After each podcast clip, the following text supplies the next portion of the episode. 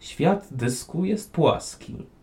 Opiera się na grzbietach czterech słoni, a te z kolei stoją na skorupie wielkiego żółwia, Atuina, który wędruje poprzez kosmos, bo w sumie dlaczego nie miałby tego robić?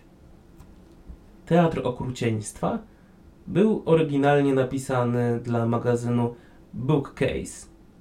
Theater of Cruelty Discworld Wola Terego Pratchetta odnośnie opowiadania Teatr Okrucieństwa Nie chciałbym kiedykolwiek zobaczyć tego opowiadania rozprowadzonego w druku, ale nie przejmujcie się ludźmi pobierającymi je dla swojej własnej przyjemności. Źródło anglojęzyczna Wikipedia, artykuł Theater of Cruelty Discworld. Klub miłośników fantastyki Fantasmagoria, chcąc wypełnić słowa Terego Pratchetta, przełożył na język polski opowiadanie Teatr Okrucieństwa.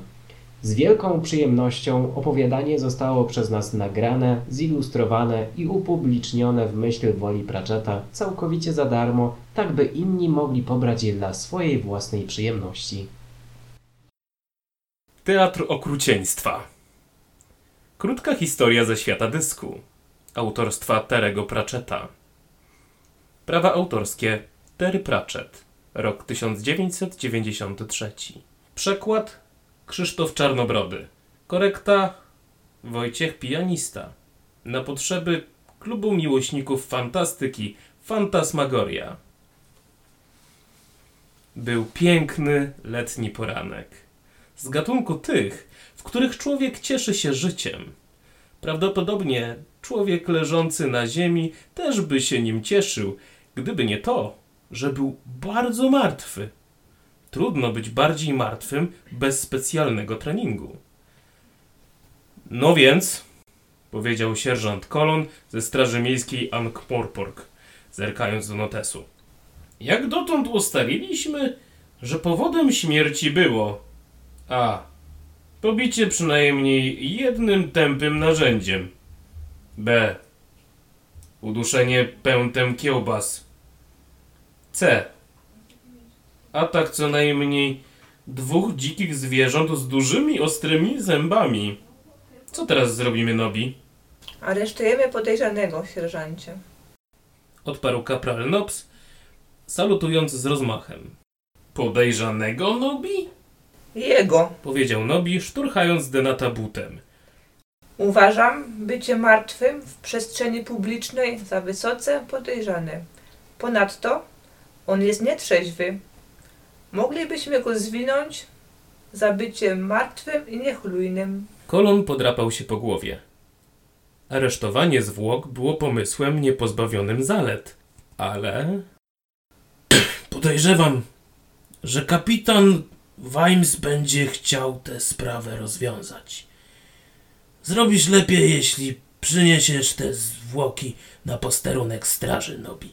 A potem będziemy mogli zjeść kiełbaski, sierżancie? Życie starszego stopniem stróża prawa w Ankh-Morpork, największym mieście świata dysku, nie było sielanką.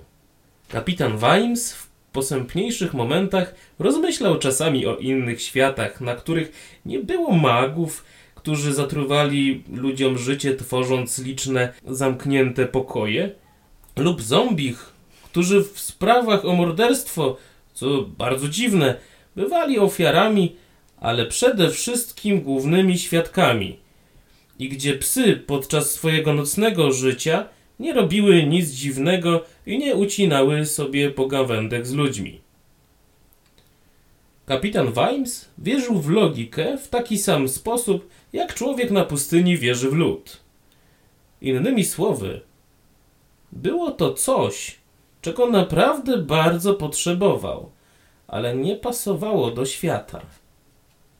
Chociaż raz, pomyślał, chociaż raz chciałbym coś po prostu rozwiązać. Popatrzył na siną twarz nieboszczyka leżącego na blacie stołu i poczuł dreszczyk emocji. Były na niej ślady. Jak dotąd nie zetknął się z prawdziwymi śladami. To nie mógł być złodziej, kapitanie, powiedział sierżant Kolon. Miał portfel wypchany pieniędzmi. Było w nim 11 dolarów. Nie nazwałbym go wypchanym, odparł Wimes. Ta kwota była w pensówkach i półpensówkach, ser. Jestem zdumiony, że jego nogawki wytrzymały to obciążenie i dodam, y, że błyskotliwie dokonałem odkrycia, że Denat pracował w show biznesie, ser. Y, Bo miał w kieszeni ser kartę. Chess Slumber.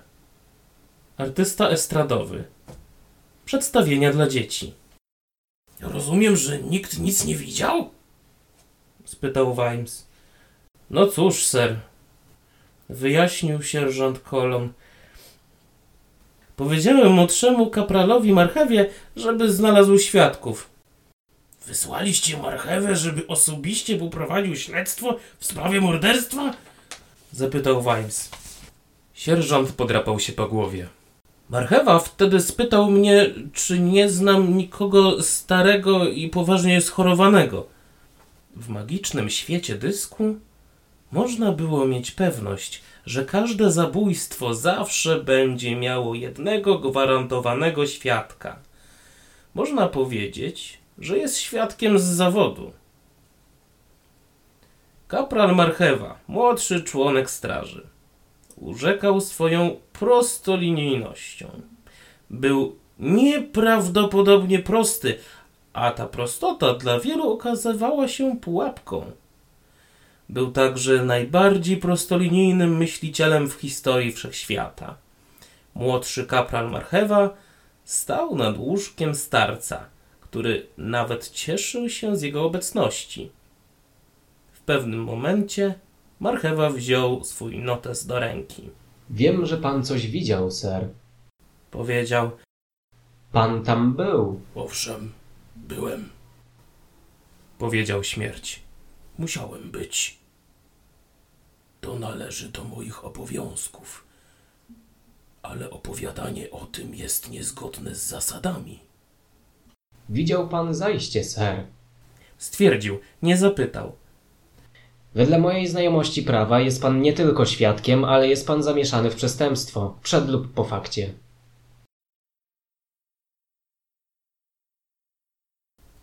Młody człowieku, ja jestem tym faktem, o którym mówisz.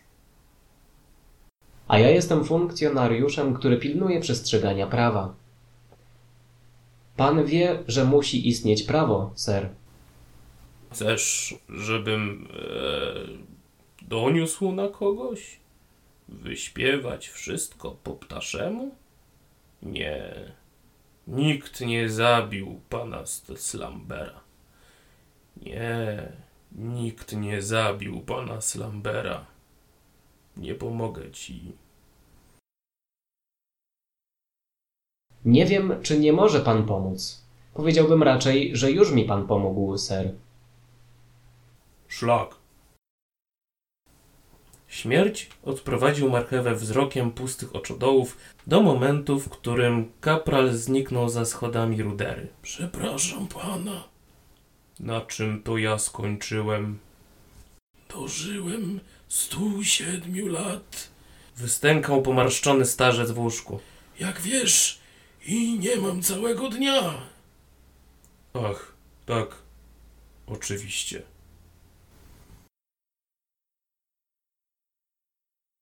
Śmierć naostrzył kosę. Był to pierwszy raz, kiedy śmierć pomógł policji w śledztwie. W sumie nadal każdy miał swoją pracę do wykonania. Kapral Marchewa, przechadzając się po mieście, wysnuł pewną teorię. Kiedyś przeczytał książkę na temat teorii. Należało dodać do siebie ślady i w ten sposób otrzymywało się teorię. Wszystko musiało do siebie pasować. Były kiełbaski, więc ktoś musiał je kupić. I były także pensy. Przedstawiciele tylko jednej rasy płacili tak drobną monetą. zajrzał do wytwórcy kiełbasek. Spotkał grupę dzieci, z którymi pogawędził dłuższą chwilę. Później wrócił do alejki, gdzie kapral Nobs rysował kredą obrys zwłok na bruku. Nobi właśnie je ubarwiał, dodając fajkę w ustach, laskę do chodzenia oraz jakieś drzewa i krzaki w tle.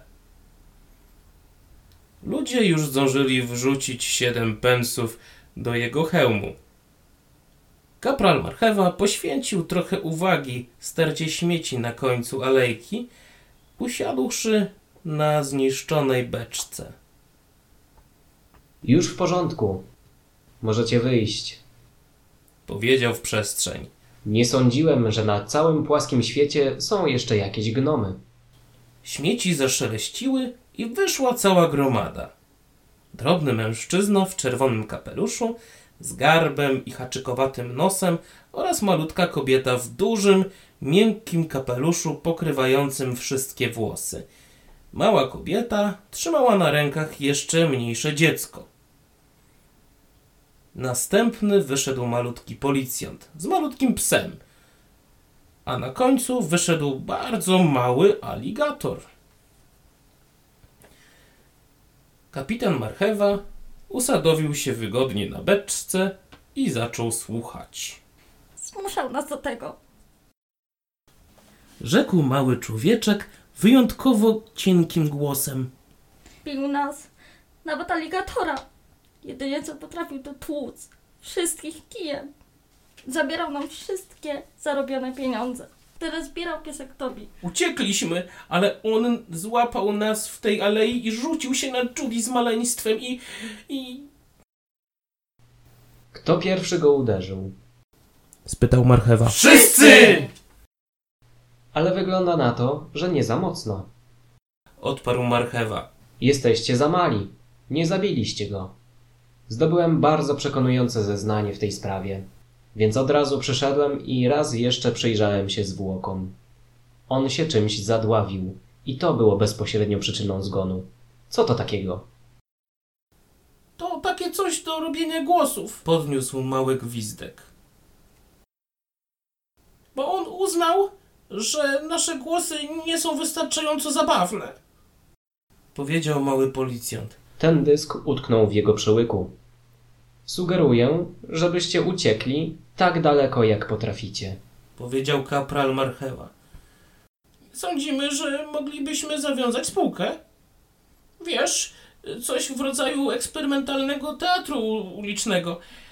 Zamiast okładania się nawzajem kijami. Robiliście to na oczach dzieci? Tak, powiedział, że to nowy rodzaj przedstawienia. Mówił, że to. Mówił, że to na pewno spodoba się widowni. Marchewa wstał i przytyczkiem posłał gwizdek do robienia głosów prosto w stos śmieci. Ludzie nigdy czegoś takiego nie zaaprobują, powiedział. To jest zła droga dla sztuki.